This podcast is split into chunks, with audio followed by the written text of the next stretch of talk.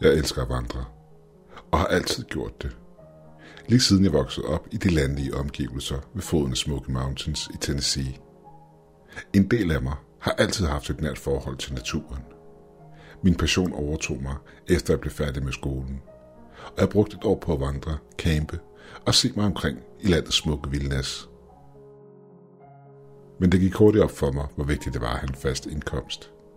Så jeg søgte et job som park ranger i Mount Hood National Park. En karriere dedikeret til at passe på naturen. Hvad kunne være mere perfekt? På dette tidspunkt havde jeg ikke travlt, så jeg tog ofte ud i bjergene, hvor jeg stod i en lysning og lod den kølige bjergluft fylde mine lunger, imens jeg lyttede til naturens lyde. Som et resultat af min dedikation med at blive et med naturen, tog jeg ofte ud på lange ture i vildnæsset, ved hjælp af glemte eller for den sags skyld skjulte stier. Ofte ville jeg finde disse stier, når jeg var ude på mine patruljer. Andre gange fandt jeg forslag fra andre naturelskere på forskellige online forums og subreddits. De har assisteret mig i at finde frem til nogle af de mest isolerede og smukkeste ruter rundt omkring i det vestlige USA, samt så langt så nord som Canada. Men en dag, hvor jeg sad og scrollede gennem Reddit, fandt jeg en interessant post. Titlen på den sendte kuldegysninger ned ad ryggen på mig. Forladt rute på toppen af koldkrigsbunker. Selvfølgelig vagte min nysgerrighed, og jeg klikkede på posten. Beskrivelsen fortalte om, hvordan brugeren var faldet over ruten, uden at nævne grunden til, hvorfor han var så langt ude i vildnæsset og så langt væk fra alting. Personen bag fortalte også, hvordan han havde fundet stien og fulgt den til resterne af en campingsite, hvor en faldefærdig bygning stod. Ifølge posten havde bygningens faldefærdige tilstand afsløret en kælder, der havde ført ned til indgangen på en bunker. Personen bag posten fortalte ikke noget om, om de var gået ind i bunkeren, men stillede en udfordring om, at hvem der end begav sig ind i den, ville finde hemmeligheder, der havde ligget skjult i årtier. Jeg var selvfølgelig skeptisk, men samtidig også meget nysgerrig. Gamle militære bunker og andre forladte installationer var blevet fundet rundt omkring i verden. Men den her, den var anderledes. Den lå under en vandrerute, som var blevet brugt til at komme til og fra bunkeren. Jeg ville gerne tjekke den ud. Og jeg elskede at vandre. Og det havde været et stykke tid siden sidst min sidste tur. Plus dengang vil jeg kunne udforske en creepy bunker. Det ville være en god historie, jeg kunne fortælle mine kollegaer næste gang vi hang over en kold øl. Den efterfølgende dag tjekkede jeg Reddit igen for at skrive ruten ned til stedet. Men post var ikke at finde nogen steder. Jeg prøvede at forhøre mig om posten hos de andre brugere, men ingen kunne huske, at de havde set den eller læst den. Det var nu ikke så underligt, for der var mange posts, og det ville være umuligt for nogen at læse dem alle sammen. Men lige inden jeg skulle til at bande over, at jeg havde mistet den, modtog jeg en mail. Afsenderen i mailen var ikke andet end en masse numre og bogstaver blandet sammen. Så personen bag mailen må have brugt en eller anden form for anonymt e-mailprogram. Beskeden i mailen var ikke andet end en rutebeskrivelse til stedet. Og på sidste linje stod der, god tur. Men det var ikke engang det mest nervepirrende ved mailen. Rutebeskrivelsen gik direkte fra mit hus og ud til stedet. Hvad fanden udbrød jeg højlydt? Jeg begyndte at have min tvivl, og jeg overvejede et kort øjeblik at anmelde e-mailen til politiet. Men af en eller anden uforklarlig grund valgte jeg ikke at gøre det, og i stedet tage turen derud. Jeg måtte forlade motorvejen tidligt inden i min tur, og i stedet bruge det meste af rejsen på små snodede landeveje. Og endelig drejede jeg ind på en lille jordvej, og rutebeskrivelsen fortalte mig, at jeg skulle fortsætte til fods, når jeg nåede et rusten jernskilt. Jeg nåede skiltet, som lignede et gammelt velkomstskilt, med en form for information om ruten på. Men skiltet var for rusten til, at teksten kunne læses. Jeg stod ud af min truck og tog min vandretaske på ryggen. Jeg havde alt det normale vandregear med mig. Vand, energibarer, vandrekæp, lommelygte og kniv, samt en masse andre nyttige ting. Jeg vil ikke sige, at jeg var pakket let, men jeg pakkede aldrig mere end det højst nødvendige. Jeg startede min tur i den retning, rutebeskrivelsen fortalte mig, at jeg skulle gå. Jeg forventede næsten, at en person ville springe frem og slå mig ned. Men det skete selvfølgelig ikke. Og som mine naver faldt til ro, begyndte jeg så småt at nyde omgivelserne omkring mig.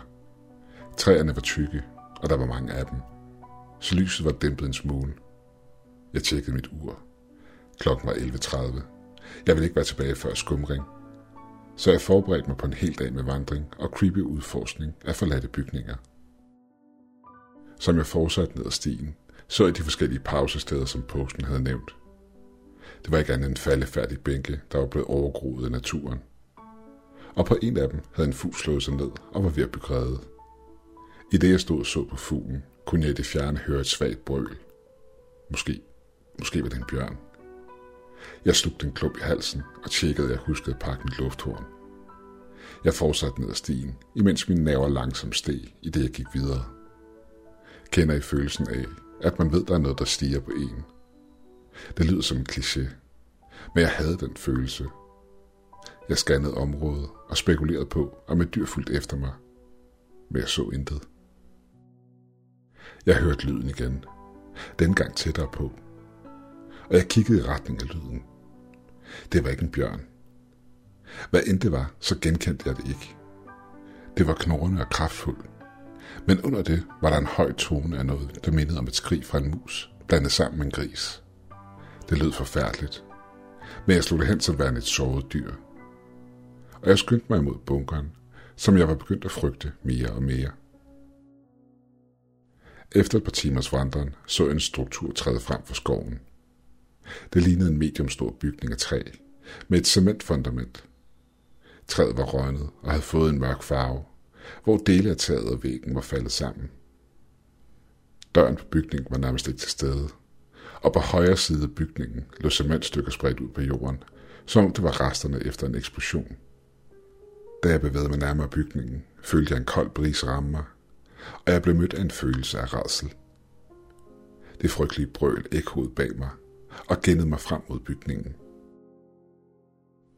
Jeg lyste med min lygte ind i bygningen, og så væltede møbler, der gav indtryk af, at den engang havde været et hvileområde. Min lygte fangede et område i bygningen, hvor gulvet var rådnet og faldet sammen, hvilket havde afsløret en trappe, der førte ned i mørket. Det var den samme trappe, som posten på Reddit havde beskrevet. Jeg slugte min frygt og omfavnede min dumhed og gik ind i bygningen. For hvert skridt jeg tog knæede gulvet under mig og gav ekko i bygningen. Jeg nåede trappen og lyste med lygten ned ad den mørkelagte trappe, hvilket afslørede et cementgulv for enden af den, og som drejede en smule og endte i en ny trappe, der førte længere ned. Jeg begyndte nedstigningen, og da jeg nåede bunden af de første trapper, vendte jeg mig om og kiggede på himlen en sidste gang, inden jeg fortsatte ned af de næste trapper. Trapperne endte i en betongang, og for enden den stod en stor metaldør. Der var ingen skilte, der fortalte, hvor tingene førte hen. Intet rødt lys eller lignende, som man ville forestille sig, det ville være sådan et sted. Kun den store metaldør. Det tog en del kræfter at få døren op, og døren åbnede indad og førte ind til et rum, der stod urørt hen som en tidskapsel. Rummet virker til at være en slags velkomstrum. Måske endda en lobby. Der var falske planter, sofaer, borde og døre, der førte til forskellige gange og rum. I midten af rummet stod et stort skrivebord med en stol bag sig. Alt sammen ting, du forbinder forbinde med en lobby. Dørene i rummet var låst, og der var ingen måde, hvorpå jeg kunne åbne dem. Selvom jeg brugte alle mine kræfter, kunne jeg ikke rokke dem. Skuffet begyndte jeg at lede efter en nøgle i skrivebordskufferne, og til min store overraskelse var hver skuffe tom. Men da jeg nåede den sidste skuffe, blev jeg overrasket over at finde den fyldt med en masse sættebånd, der lå oven på en afspiller. Båndene var markeret i nummerorden fra 1 til 7. Selvom det var en smule underligt, her intet andet at tage mig til, bortset fra at forlade stedet. Så min nysgerrighed fik overtaget, og jeg satte mig ned og smed det første bånd i afspilleren. Stemmen, jeg hørte, lød ung og intelligent. Kvaliteten på optagelserne var ikke den bedste kvalitet, da den jo var over 30 år gammel hvilket betød, at jeg skulle koncentrere mig om at høre, hvad der blev sagt. Øh, test. Test. 1, 2. Er den overhovedet tændt? Åh, lige meget, var det første, jeg hørte. Optagelsen var korte, og stemmen lød frustreret, som om han havde travlt. Måske havde han haft problemer med at få optageren til at virke, og ikke vidste, at han havde optaget sig selv. Jeg håbede, at de sidste seks bånd havde mere på sig – de var måske min eneste chance for at finde ud af, hvad det var for et sted det her. Så jeg smed bånd markeret med nummer to i afspilleren. Okay, Mit navn er Dr. Richard Schrøder. Jeg er født i 1952 og blev indkaldt til hæren i 1970.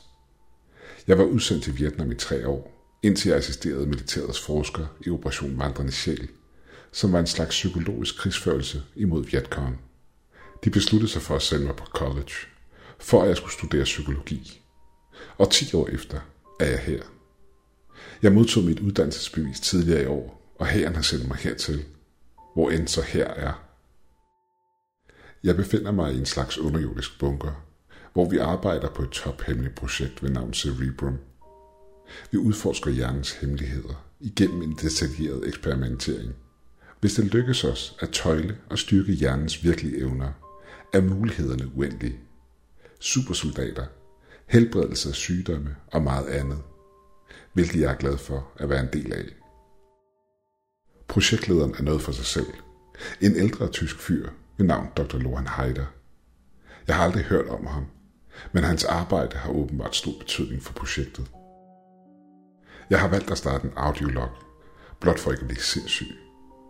Det er sådan her, at alle er så fokuseret på deres arbejde, at det stort set er umuligt at føre en normal samtale med nogen. Jeg har blot brug for at lette mine tanker, selvom jeg muligvis overtræder reglerne og udsætter projektets hemmeligheder.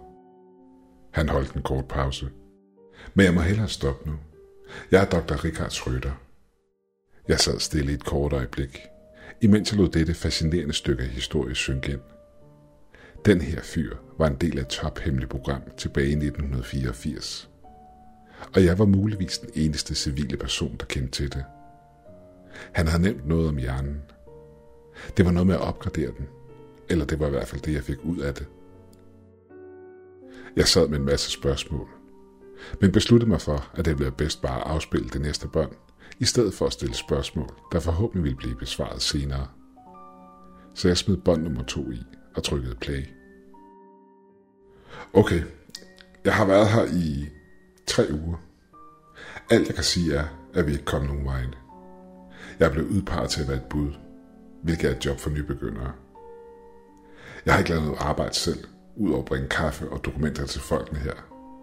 Men jeg har dog overhørt dem i pauserummet, at deres resultater er lort. Dog har Dr. Heider slået hårdt ned på fritid, især over for de højere rangerende forskere. Han er fast besluttet på at få succes. Jeg beundrer ham, selvom jeg aldrig har snakket med ham personligt. Rygterne siger, at Heider personligt stod for udskiftning af personalet et par måneder tilbage. Ingen har været her mere end 150 dage. Jeg ved ikke, hvordan jeg fandt frem til det, men det betyder ikke så meget. Snart vil jeg blive overført til observationer og få et indblik i eksperimentet selv. Jeg slugte en klub i halsen og undrede mig et kort øjeblik. Hvem var den Dr. Heider? Og hvorfor havde der været udskiftning af personalet? Hvad var det for nogle eksperimenter? Igen slog jeg spørgsmålene ud af hovedet og smed det næste bånd i. Okay, dag 58 tror jeg, han rømmede sin hals. Jeg skulle bringe nogle dokumenter til Dr. Rhodes i et af forsøgslaboratorierne. Der var ingen ved døren, og den var ikke låst, så jeg åbnede den. Min Gud. Jeg så en af patienterne. Han, han var fastspændt til en slags stol. Nåle og kabler stak ud fra ham over det hele, imens han blev pumpet fuld af en eller anden form for væske. Hans, hans krig. Åh oh, Gud, hans krig. Det var ikke meningen, at jeg skulle se alt det. Jeg gemmer mig et gammelt lagerrum. De virker til at være meget sure på mig. Jeg tager ingen chancer. Det her er forkert. Fuck, de banker på døren nu. Og Schrøder visker. Shit, jeg må finde en vej ud. Sveden brød frem på min pande i det båndet stoppede. Hvad fanden? Jeg havde hørt om lyssky ting, som hæren og regeringen havde lavet i fortiden men aldrig skænket den tanke. Normalt ville jeg være ligeglad, men det her fik det til at løbe koldt ned ad ryggen på mig. Jeg var sikker på, at de havde fanget ham, da der var flere bånd. Jeg var i gang med at sætte et nyt bånd i afspilleren, da døren til trapperne hamrede i. Jeg tabte afspilleren i chok og løb hen til døren. Jeg hamrede og bankede på døren, men den gav sig ikke. Jeg skreg ud vrede og blev mødt af ekkoet fra mit skrig samt et svagt brøl for hvad det end var, jeg havde hørt på vejen ind. Panikslagen satte jeg mig ned og undersøgte afspilleren. Den virkede til at have overlevet faldet på gulvet, og siden alle døre i rummet var låst, var min eneste mulighed at afspille endnu et bånd. Så jeg smed endnu et bånd i afspilleren og trykkede play. Jeg er faldet over noget. En vej ind i en aflukket afdeling af bunkeren. Det er mørkt, og luften er en smule mukken, men her er fredfyldt. Jeg er væk fra eksperimentet og alle andre, og jeg tror, at eftersøgningen er ved at falde til ro. De må tro, at jeg ligger død og rådner et eller andet sted. Jeg tror, jeg kan blive her i hvert fald 6 måneder. De har efterladt en masse dåser med mad her. Jeg ved ikke helt hvorfor, men jeg må videre. En lukket afdeling. Så ham Heider havde lukket en stor del af bunkeren af. Det gav ikke meget mening for mig. Men jeg besluttede mig for at vente med spørgsmålene og smed det sjette bånd i. Min Gud. Okay, det er et stykke tid siden. Jeg ved ikke, hvor lang tid. Men jeg kunne ikke blive der. Jeg prøver at snige mig rundt for at finde ud af mere omkring. Jeg står til det hele. Jeg har fundet et stykke papir. Heider. Han har fundet en løsning på vores mål. Han har lavet en slags serum. Han udsatte sig selv for eksperimentet og pumpede sig selv fuld af serummet. Vi skulle aldrig være begyndt på det her. Hans hjerne blev så kraftfuld, at han skabte bogstaveligt talt levende ting med sit sind. Han har slagtet nogle af forskerne, der prøvede at stoppe ham. Han gjorde det ikke selv. Det var en ting. En ting, han havde skabt, der gjorde det. Jeg må gå, inden det er for sent. Det her er, hvad der sker, når mennesker prøver at lege Gud. Igennem optagelserne kunne jeg høre et grynet ekko af et brøl. Det samme fucking brøl. Schrøder hørte det også. Shit, udbrød han, inden optagelserne stoppede. Min hjerne kunne ikke forholde sig til, hvad jeg lige havde hørt. Min knæ blev svage, og jeg tabte næsten afspilleren igen. Jeg brækkede mig ud over en af de falske planter og satte mig ned på gulvet. Det her sker bare ikke. Det var kun noget, der skete i gyserfilm. Jeg ved stadig ikke, hvad fanden det er, der foregår. Men igen, min eneste mulighed var at smide det sidste bånd i. Syvtallet på båndet så sjusket ud, og så ud som om, at nogen havde skrevet det i hast. Jeg smed det i og trykkede på play. Hør på mig. Hvem end du er. Hvem end der finder dit. Vend om. Forlad stedet. Hej, der kan ikke stoppes. Hvis du finder det her, eller det her gudsforladte sted, så brug tid på at slukke for afspilleren. Bare forlad stedet. Men kan du ikke forlade stedet?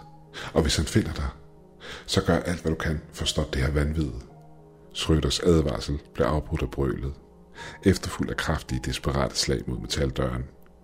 Åh Gud, er det sidste, jeg hører Schrøder råbe, inden jeg hører metaldøren blive åbnet. Det hele drukner i lyden af kæmpende kroppe, efterfuldt af lyde, jeg helst ikke vil beskrive, inden optagelsen stopper. Det var det. Det var det sidste bånd. Jeg sad alene i mørket, i en panisk og forvirret tilstand, med låste metaldøre omkring mig. Pludselig bipede min telefon. Forskrækket over den pludselige lyd, gav jeg et gips fra mig, inden jeg fik beroliget mig selv. Jeg forventede ikke at få noget signal hernede, men af en eller anden grund var der fuld signal. Inden jeg gjorde noget andet, gik jeg på Reddit og skrev det her. Jeg er fanget hernede, og muligvis med noget farligt og unaturligt. Jeg ved nu, hvad regeringen gjorde under den kolde krig. Jeg ved, hvorfor vores hjerner er farlige. Men hvad jeg ikke ved er, hvem der postede rutebeskrivelsen til den her gudsforladte bunker, og hvordan man fandt vej hertil fra mit hus. Der findes heldigvis mange naturelskere i Oregon-området. Måske hvis jeg fortæller dem om stedet her, og hvordan man finder det, kan jeg måske blive reddet. Det eneste, jeg skal gøre, er at poste rutebeskrivelsen til stedet her på en subreddit, og forhåbentlig fanger det nogens opmærksomhed. Update. Der er gået en time cirka. Min telefon er ved løbe tør for strøm, og min post er af mystiske grunde blevet fjernet fra subredditen. Åh oh, gud, jeg kan høre brølet igen.